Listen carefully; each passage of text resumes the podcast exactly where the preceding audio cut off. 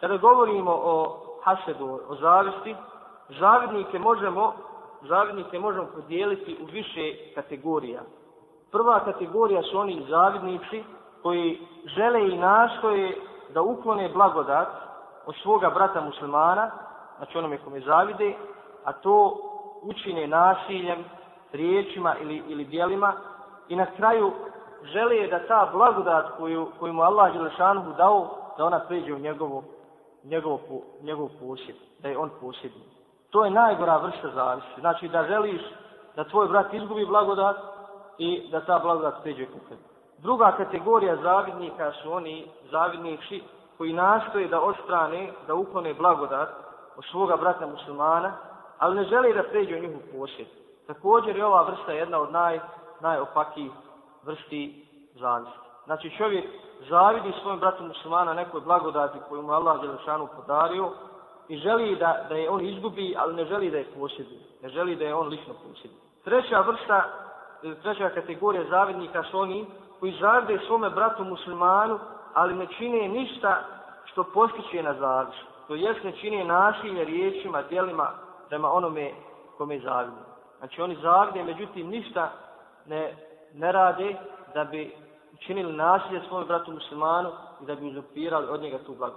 Ovi treći koje smo navili mogu biti u jednom od dva stanja. Mogu biti u jednom od dva stanja. To je da ga ova bolest nadvladava. Da ga nadvladava i u ovom slučaju ne čini grije. Jer čovjek je slab sam, posebno slab. A ta bolest ako uđe u čovjekovo srce, može da ga povremeno nadvlada. On se bori protiv nje, nastoji da je savlada, nastoji da ne zavlja svome bratu muslimanu, međutim, često ga nadvlada u ovakvom slučaju, u ovakvom slučaju, islam slučaju kažu da čovjek nema grijeha, jer je sve dao od sebe da nadlazi bolest, međutim mora ga nadvladati.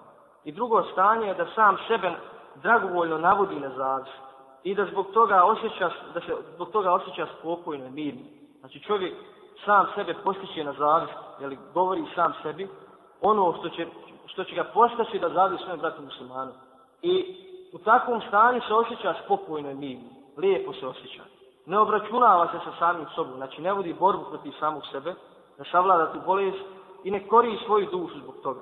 Po ovom, jer u ovom slučaju islamski učenja se razila se da li je čovjek griješan zbog te zavrste ili nije. Međutim, ono što je jače, jeste da je čovjek, čovjek u ovom slučaju griješan zbog, zbog takve vrste zavrste. Jer ništa ne radi, ništa ne ulaže da pobjedi tu opaku bolest srca. Četvrta kategorija zavidnika su oni zavidnici koji kada pri sebi osjete zavis, trude se da je ostrani. Čine dobročinstvo prema onome, prema kome zavide, tako što ističu njegove vrijednosti, njegove vrline među ljudima. I mole je za njega kada su nasamo. Mole je u dovu za njega kada su nasamo. Ovakva vrsta, jeli, ovaj postupak je pohvalan i čovjek nema, nema griha, nego čak upućuje na iskrenost njegovog vjerovanja. Znači čovjek može da oboli od te bolesti. I kada se pojavi, kada osjeti ko sebe zališ, trudi se da je, da je prevaziđu, da je pobjedi.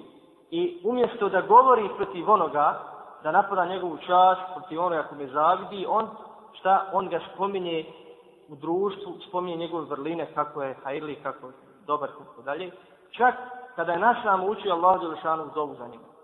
Znači ovo je pohvalno djelo,